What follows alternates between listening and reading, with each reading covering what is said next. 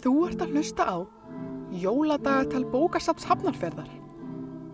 Jólasaga þegar stúfur týndist eftir hremmu. Höfundur les. Tíundi kapli. Tilbúnir! Einn, tveir og toga! Gargar kertasnýkir á bræður sína tvo. Gluggagægir togar í hægri hendi gílegurs og pottaskefill í þá vinstri. Kertasnýkir húkir fyrir aftan hann og reynir að lyfta honum upp úr snjónum en rassin á giljagur er frosinn fastur. Við verðum líklega að finna aðra leið að losa mig. segir giljagur hugsi og starir á eldrött andlit pottaskefils. Gluggagægir er svo sveittur að glerugun hans eru farin að leka niður nefið og kertasnýkir er svo uppgefin að hnén hann skjálfa af þreytu. Ég veit! Æpir giljagur.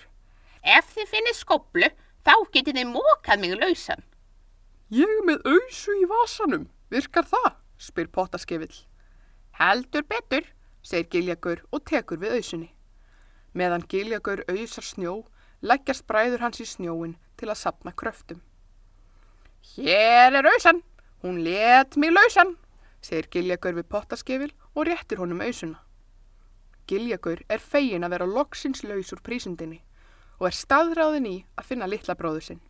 Þegar vindkviðan greip stúf, faukan fyrst í þessa átt, segir giljagur og bendir í vestur. Við skulum stafna þangað.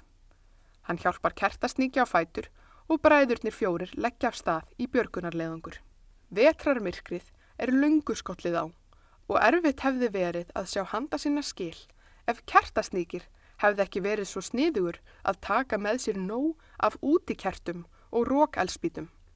Vesturflokkurinn veður snjóin og kallar á bróður sinn í þeirri von að hann heyri til þeirra.